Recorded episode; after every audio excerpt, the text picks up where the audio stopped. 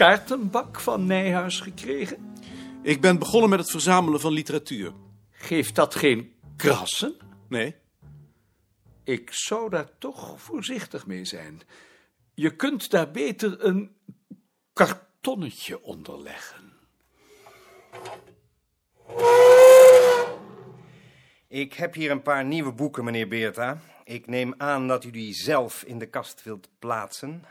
Zet u ze daar maar neer. En ik wil u nog zeggen dat ik morgen voor drie weken met vakantie ga. Vakantie?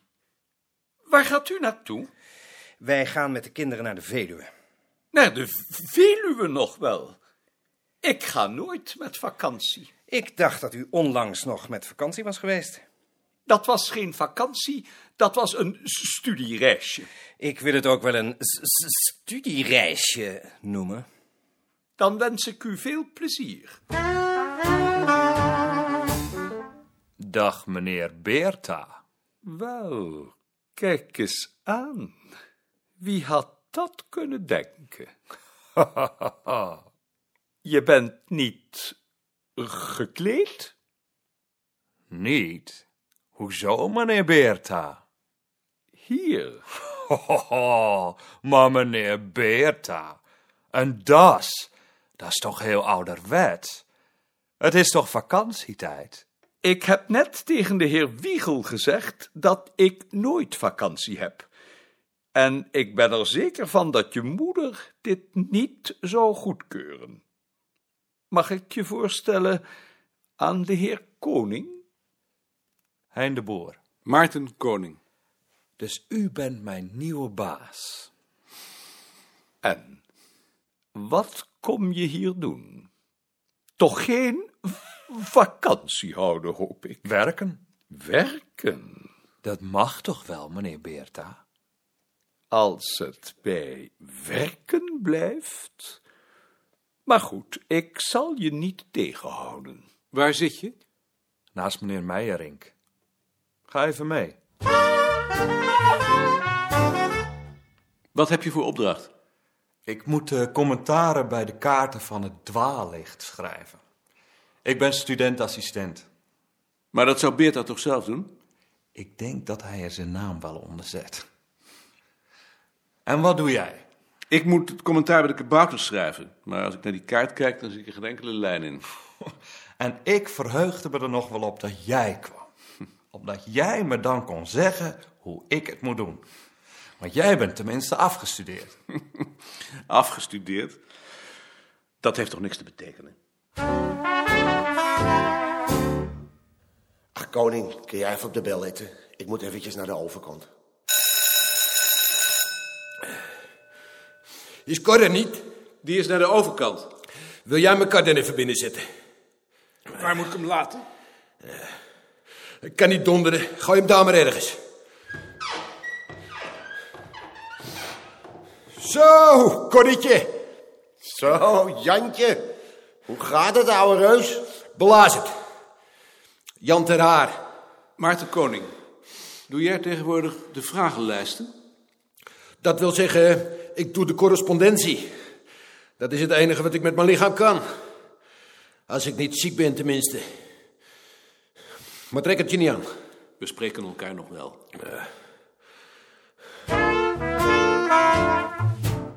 Wat heeft Ter Haar eigenlijk gehad?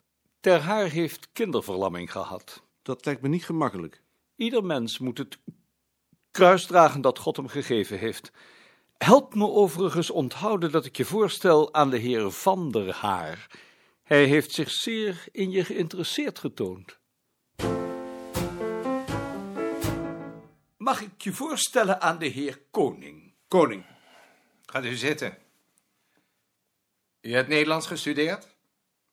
Ja, maar dat is al enige tijd geleden. Ik heb veel goeds over u gehoord. Ik bedoel dat u in dat tijd cum laude bent geslaagd. Maar dat betekent natuurlijk nog niet dat ik dit werk ook aan kan. De heer Koning is de enige student die ik ooit voor zijn tentamen een tien heb moeten geven. Hij wist alles. In ieder geval geeft dat ons de zekerheid dat u uw werk wel aan zult kunnen. En dat niet alleen. Over zeven jaar gaat de heer Beerta met pensioen. En dat geeft u zeer goede vooruitzichten. Zo heb ik het nog niet bekeken. Wat heeft Van der Haar eigenlijk gestudeerd? Van der Haar had eigenlijk rechercheur willen worden, maar hij is afgekeurd voor zijn ogen. Ik vertel je dit natuurlijk strikt sub rosa.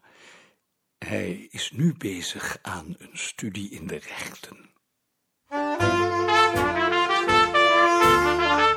Ik ben Maarten Koning. Hm, ja, Balk. Ik ben hier aangesteld voor de Atlas voor Volkscultuur. Ik heb het gehoord. We zouden elkaar moeten kennen, maar ik herinner me je niet. Jij bent toch ook in 46 aangekomen? De reden moet zijn dat ik een zeer onregelmatig bezoeker van de colleges was. ik heb mijn studententijd anders gebruikt. Wein, Weib und Gezang, om het zo maar eens uit te drukken. We spreken elkaar nog wel eens. Hoi. Hi. Ik kwam eigenlijk omdat ik die kaart van het dwaallicht nog eens wilde zien. Ehm, waar kom je eigenlijk vandaan? Daar. Domburg. En denken ze daar echt dat een dwaallicht een sterfgeval aankondigt? Ik heb daar nooit van gehoord hoor. Maar je ouders? Mijn ouders ook niet. Niemand die ik ken eigenlijk. Brei, happers. Voor zulke dingen moet je waarschijnlijk bij Jantje de Tetter zijn.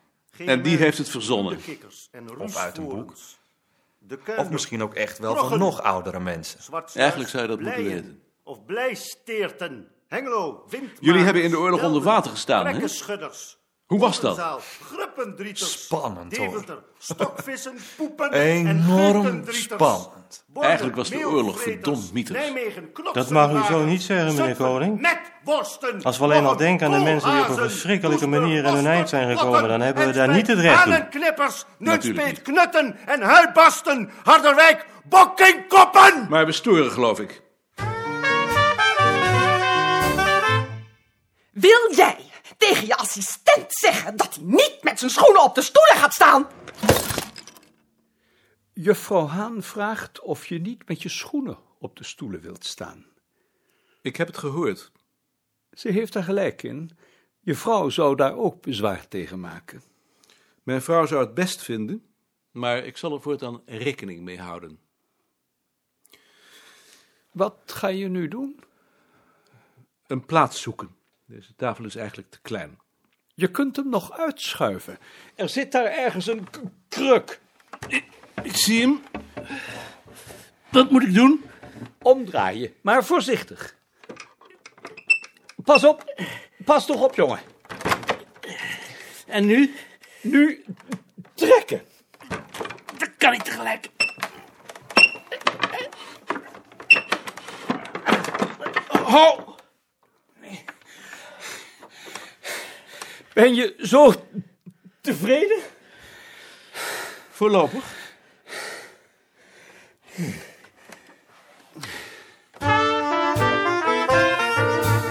Het is toch idioot om zo op te treden? Wat wind je je op? Wat kan het je schelen? Natuurlijk kan het me schelen. Met dat mens moet ik samenwerken. Ik kan toch ook wel op een vriendelijke manier vragen of ik niet op die stoelen wil gaan staan? Ik vind dat bedreigend. Zulke dingen heb je op ieder bureau. Je moet het gewoon negeren. Ik weet niet waar ik straks kom te zitten. Ik vind alles best als het maar niet in het lokaal van juffrouw Haan is. Ik had zo gedacht dat je maar bij mij op de kamer moet blijven. Is dat niet lastig? Dat hangt van jou af. Ik bedoel daarmee dat alles wat je op deze kamer te zien en te horen krijgt, strikt vertrouwelijk is. Ja. Je mag nooit zeggen, die Beerta doet niets, of die Beerta zit andere dingen te doen, of die Beerta is een suffert. Dat laatste mag ik natuurlijk wel zeggen. Ja, dat hij een suffert is, mag je wel zeggen. Dan kun je aan Nijhuis vragen om een bureau voor je te zoeken.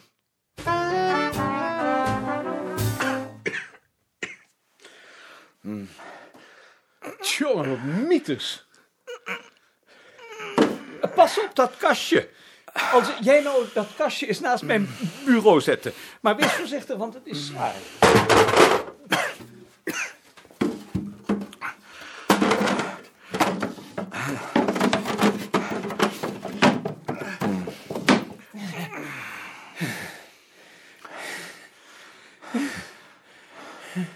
Meesterlijk. Moet je ook nog een schrijfmachine hebben?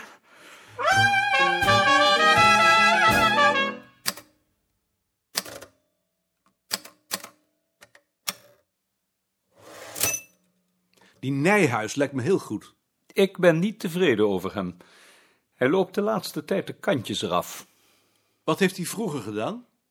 Nijhuis heeft in Indonesië gevochten, als vrijwilliger. Dat is de reden dat ik hem hier in der tijd heb aangesteld. Zo iemand konden we hier wel gebruiken. Nu je zelf een schrijfmachine hebt, moet je deze brief maar eens beantwoorden. Komt u nog terug?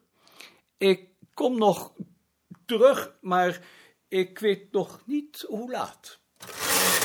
Wel edel zeer geleerde heer Beerta.